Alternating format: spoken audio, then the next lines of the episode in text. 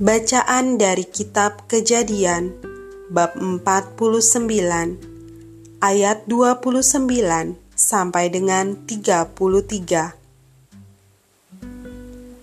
Yakub meninggal dan dikuburkan.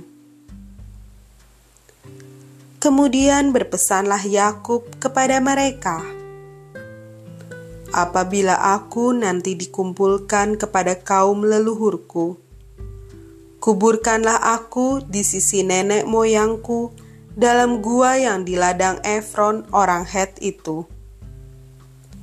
dalam gua yang di ladang Makpela di sebelah timur Mamre di tanah Kanaan. Ladang yang telah dibeli Abraham dari Efron orang Het itu untuk menjadi kuburan milik. Di situlah dikuburkan Abraham beserta Sarah istrinya.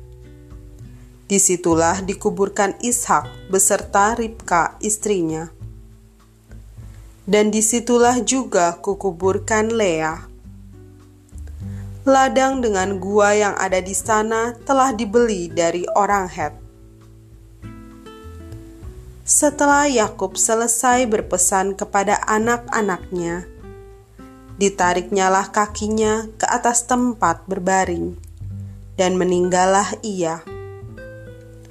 Maka ia dikumpulkan kepada kaum leluhurnya.